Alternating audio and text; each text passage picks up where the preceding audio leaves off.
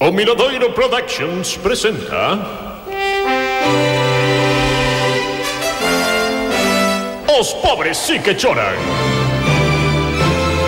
Con Xusto López Carril no papel de Agustín Carril. Susana Llorente como Olga Carril. Cristina García como Leticia Carril. Susana Royce no papel de Antía Carril. E hoxe, coa actuación especial. Guest Star José Antonio Vales como Eladio Fábregas, boticario de Bucerana, e Carlos Jiménez como Loro Troco.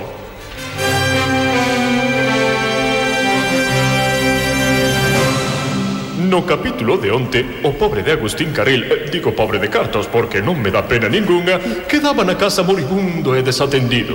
As súas fillas decidiran prohibirlle o acceso ás contas bancarias familiares. E el case morre co desgusto. A doutora Bahamonde Nun principio, atendeu correctamente Agustín, pero cando soubo do seu pasado ludópata e de que levara a ruína a familia, negouse a seguilo tratando. Así que hoxe, un día despois, Agustín continúa deitado na cama. Fora, ter, fora momento. Cabilondo, Del Olmo, música... Non dou atopado a Radio Galega. E hoxe que xa que quedo na cama podía escoitar o susto ese no miradoiro que hoxe vai falar Antonio, voluntario lituano del Olmo, Gabilondo, eu quero miradoiro. A ver se algunha das nenas me axuda. Vou a chamar a Antía, que é a única boa.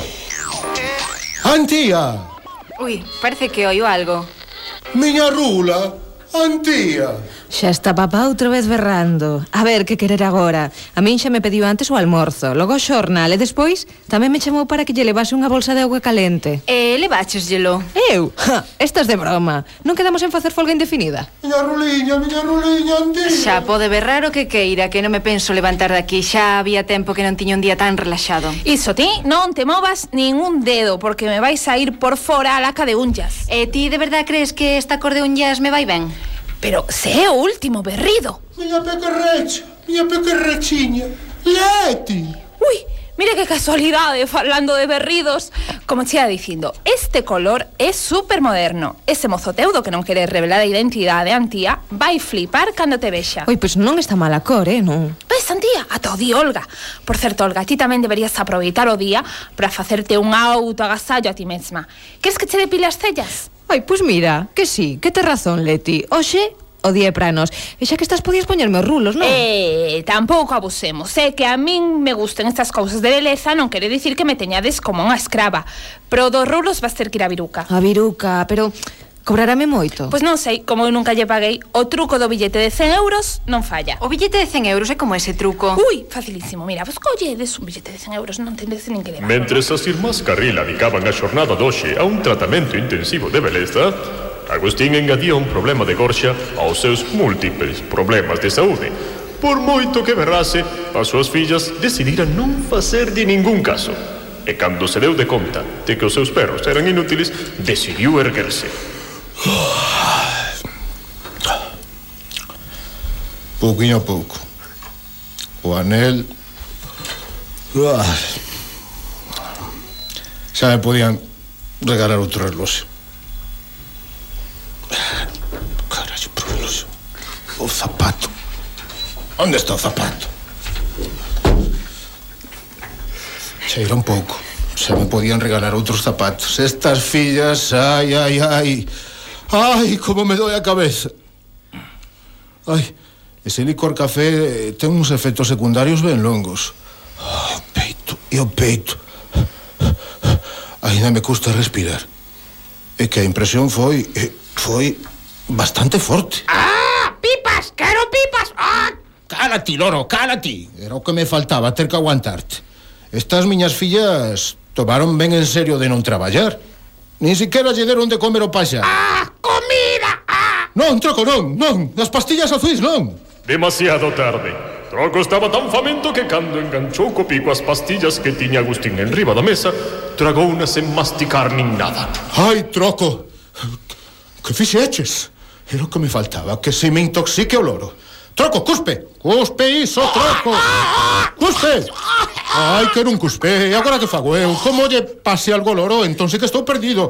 Ai, que non cuspe, cuspe! As miñas cuñadas mátanme literalmente. Ai, troco, esperta, troco. Troco, e agora que fago? A boca, o pico, non que non so, hai que leválo ao médico. O médico non, a Octavio Villazala. A Octavio Villazala non hai que levar o servizo de informativos, tampouco. Eh, que a doutora que non me pode ver, eh, que aquí non hai veterinario. Pero quen se lle ocorre? Unha aldea gandeira sen veterinario, como está este país? Xa está. Vou non levar a farmacia. Agustín colleu o loro e saiu rapidamente do seu cuarto. Fora na sala as fillas, ignorantes da situación, continuaban co seu día de relax. A ver, a cinco, se o teu mozo esquece o teu cumpleanos ti, A, déixalo inmediatamente, B, dache igual, C, nin A, nin B. Pois eu... A. Pois eu a C. É dicir, nin A nin B, vale, seguimos, seis. Se na túa primeira cita resulta El, que o teu... A D. Ide ao carallo. Parece que están entretidas vou sair sen facer ruido porque como me veixan coloro neste estado, caime unha. Agustín conseguiu sair sigilosamente da súa casa e en menos de tres minutos chegou á farmacia. Lembremos que en Bucerana todas as distancias son curtas. A farmacia de Bucerana era máis ben unha especie de laboratorio antigo. O boticario, Eladio Fábregas, era o típico farmacéutico de toda a vida. Tanto que se negara a ir co progreso e casi non vendía ningún medicamento preparado todo facía el mesmo, ata as tiritas. Cando Agustín entrou co loro moribundo, Fábregas estaba facendo unha das súas fórmulas magistrais. E que le quieres, Josefina? E agora, dúas pingas de glicerina líquida e ala. Socorro! Socorro, Fábregas, miñato Carballés, urxencias, que me morro loro! Eh! Que me morre! Un momento. Agarda que poña as lentes.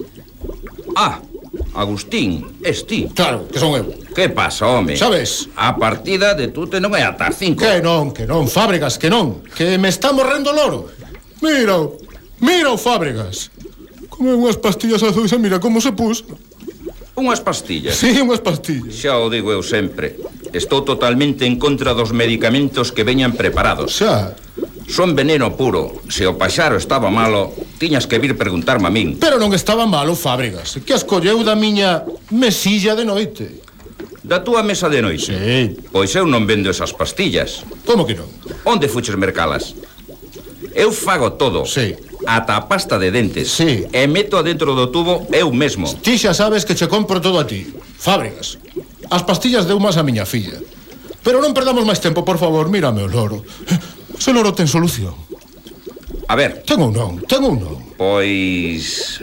Pois isto está moi claro. Eh? eh que pasa? Vais a salvar? Fábricas abriu o pico ao loro. Meteu o dedo pola gorxa do animal e sacou intacta unha das pastillas azules.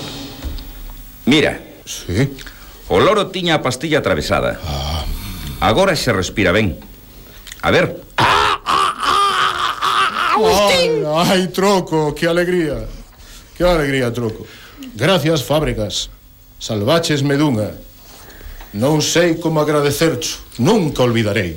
Pois, se non che importa, vou quedar con esta pastilla. Queda, queda. Vou analizar hmm. para ver como está feita. Claro. Hai que coñecer o inimigo. Agustín deixou a farmacia de fábricas e volveu para a súa casa. Cando entrou pola porta, as súas fillas seguían como a nada.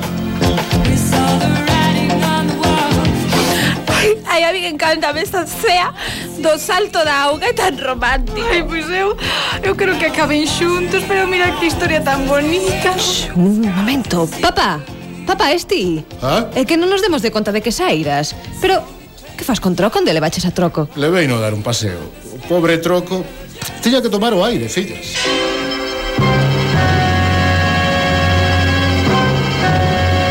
Que raro. Papá sacando a pasear a troco? E troco tranquilamente con papá sen insultalo. Faríanse amigo tro amigos Troco e Agustín despois deste incidente.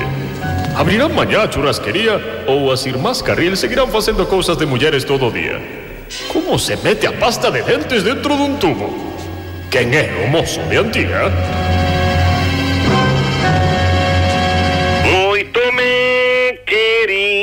más nachurrasquería, ya no me cares tanto, na porta de un banco. Hay un rapazolo que era tan gracioso.